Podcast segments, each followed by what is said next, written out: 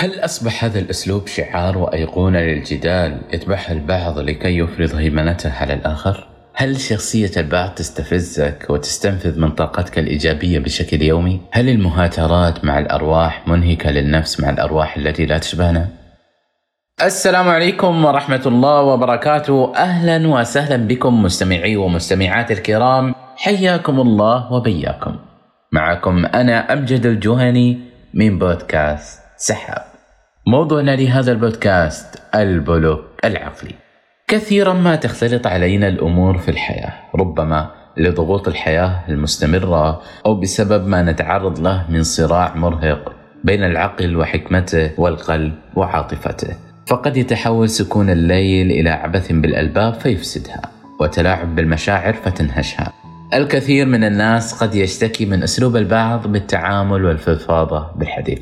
إن مفهوم البلوك العقلي ببساطة هو تدريب العقل على حظر الأغبياء والمستفزين والمحبطين والارتقاء عنهم بتحويل سلبيتهم لتحدي يؤهلك لمزيد من الإبداع والابتكار والإنجاز في حياتك المستقبلية سواء كان على الصعيد العلمي أم العملي. أسرح بعيدا بخيالك عنهم. وركز بإبداعاتك وتميزك. واحظرهم من حياتك. وكن أنت كما تريد. سواء كان ال block على مواقع التواصل الاجتماعي أو الهاتف أو الرسائل النصية. وحتى الذي وضع block لك في حياته الشخصية. فهذا الشخص بالذات لا يستحق اهتمامك وطبعا لا يستحق منك فرصة ثانية. الغريب في كل هذه التساؤلات التي نطرحها على أنفسنا. هل الطرف الآخر سيتفهم كوني أملك خصوصيات لا أحب أن يطلع عليها أحد؟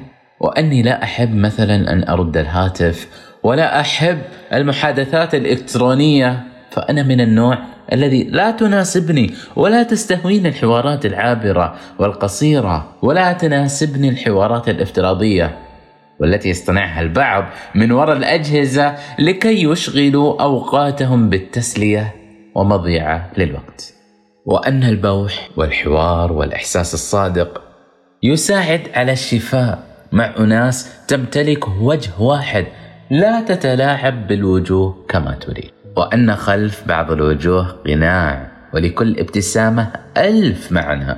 وخلف كل سكوت قدر. لا تخلو الحياة اليومية من وجود المنغصات والمشكلات وبعض الأمور التي تعكر صفو الإنسان وتؤثر على مزاجه. وعشان نتفادى بعض الأشخاص والمواقف هناك حلول عديدة للحد من تلك المهاترات المستمرة.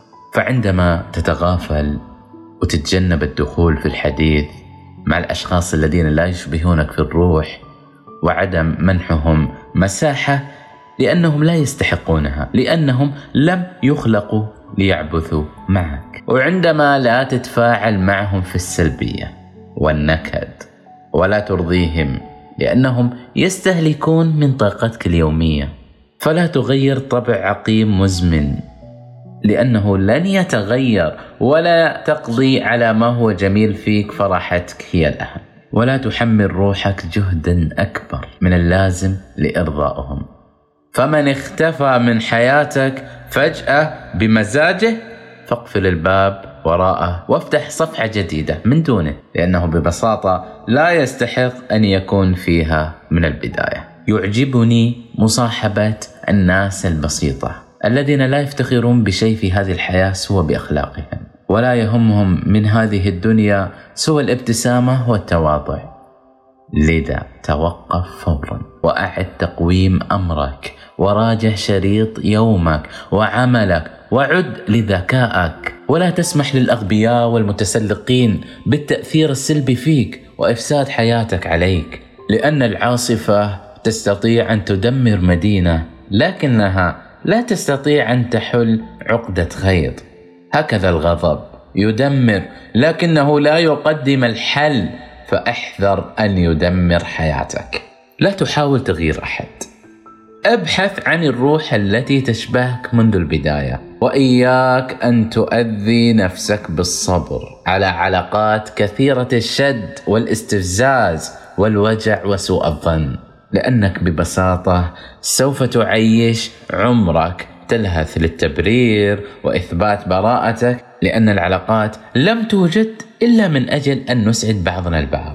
وإلا فعدمها. أفضل. فالتبلد الذكي مع الأرواح المزعجة. حل قد يريح نفسك والشعور بالرضا والجمال النفسي؟ فخذوا نصيحة مني. انشغلوا بالأمور التي تسعدكم وترفعوا عن تلك الصغائر. تقربوا من الله عز وجل وتفاءلوا. تجنبوا من الجدل والشكوى والتمارض والتغابي. وسلحوا أنفسكم بالمعرفة. وفكروا في المقابل بإسعاد أنفسكم لأنها هي الأهم في نهاية المطاف. مستمعي ومستمعات الكرام وصلنا إلى نهاية هذا البودكاست.